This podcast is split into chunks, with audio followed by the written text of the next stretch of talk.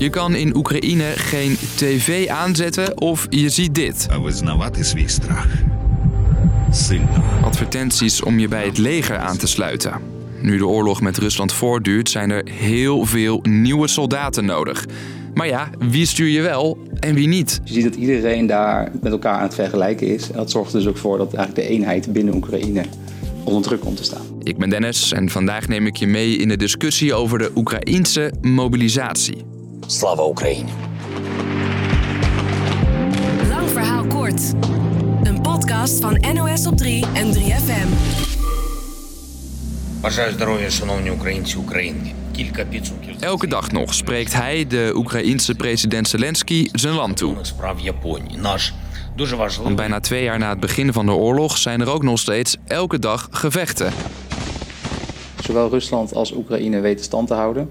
Maar er vallen wel nog gewoon iedere dag honderden doden. Je hoort mijn collega Giem, die de oorlog voor de NOS volgt. Je kunt je misschien voorstellen, een leger dat twee jaar non-stop oorlog voert...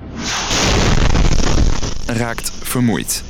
Veel van die militairen die zich meteen na de invasie hebben gemeld, hebben eigenlijk al die tijd maar doorgevochten. Die zijn maar korte tijd op verlof geweest, of in sommige gevallen helemaal niet op verlof geweest. Bovendien zijn er aan het front tienduizenden slachtoffers gevallen. Het leger heeft dus constant nieuwe aanwas nodig. Ja, simpel gezegd zijn alle mannen tussen de 18 en 60 jaar dienstplichtig. Eh, dat betekent dat zij het land niet uit mogen en in theorie allemaal opgeroepen kunnen worden. Tot nu toe werden alleen mannen vanaf 27 opgeroepen, maar dat wil het leger nu uitbreiden, omdat er zoveel nieuwe mensen nodig zijn. Ruim 450.000. Waar hou je zo'n enorme groep mensen vandaan? Aan het begin van de oorlog zeiden veel mannen nog: ik vecht vrijwillig mee. I wouldn't really want to participate in anything like this, but I don't really have any choice because this is my home. Maar nu de oorlog langer duurt en mensen uitgeput raken, zijn dat er minder en minder. Ziet ook deze adviseur van Zelensky. І всі люди, особливо ті, які були готові. Iedereen die wil vechten is al aan het front, zegt hij.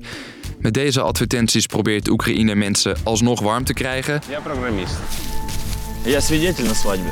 Maar storm loopt het niet. Dus scherpt de regering nu de dienstplicht aan. Bijvoorbeeld de leeftijd van mannen die opgeroepen worden gaat omlaag van 27 naar 25. Je hoort mijn collega Giem weer. Dat is niet het enige. Het land overweegt ook strengere regels voor mensen die de dienstplicht ontlopen. Daar worden nu hardere straffen voor ingevoerd. Dat mensen eh, bijvoorbeeld de gevangenis in kunnen als ze echt betrapt worden herhaaldelijk. Maar bijvoorbeeld ook meer moeite hebben om een hypotheek af te sluiten eh, of een nieuw rijbewijs te verlengen. Uiteindelijk draait het dus om één vraag. Wie stuur je naar het front en wie heb je nodig om de rest van het land draaiende te houden? Daar houdt heel Oekraïne zich nu mee bezig. Op de plannen van het leger is best wel wat kritiek. 1. Lang niet iedereen ziet vechten zitten. Because people are afraid. I think it's normal to be afraid of dying. En omdat er amper tijd en geld is om de nieuwe soldaten te trainen. Iemand die vandaag nog taxichauffeur is, kan morgen in de loopgraven staan, zegt deze advocaat. Dat kan volgens hem veel levens kosten. Dan is er ook nog kritiek op de uitzonderingen op de dienstplicht. Want ik zei het net al even, behalve militairen zijn er ook mensen nodig die de rest draaiende houden. Er wordt nu gekeken naar een regeling waarbij je eh, mensen die dus veel belasting betalen en dus veel bijdragen aan de economie ook makkelijker kunnen worden uitgezonderd van die dienstplicht. Maar ja, mensen met geld kunnen zo de dienstplicht ontwijken, terwijl arme mensen die keuze niet hebben. En welke beroepen zijn in oorlogstijd echt onmisbaar? Het is natuurlijk goed, goed te begrijpen dat ministers het niet hoeven en parlementsleden ook niet.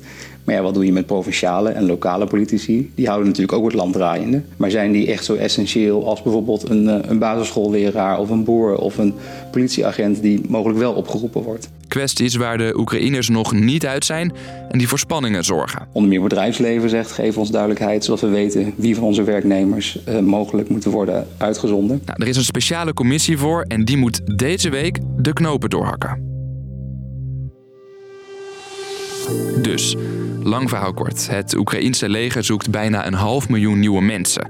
In het land is veel discussie over wie wel en wie niet naar het front moet. Alle ogen zijn nu gericht op een speciale commissie die daarover moet beslissen. Dat was de aflevering weer voor vandaag. En wil je trouwens weten hoe het zit met de dienstplicht in Nederland? Check dan even de video van mijn collega Sophie. Linkje vind je in de show notes. Bedankt voor het luisteren en tot de volgende!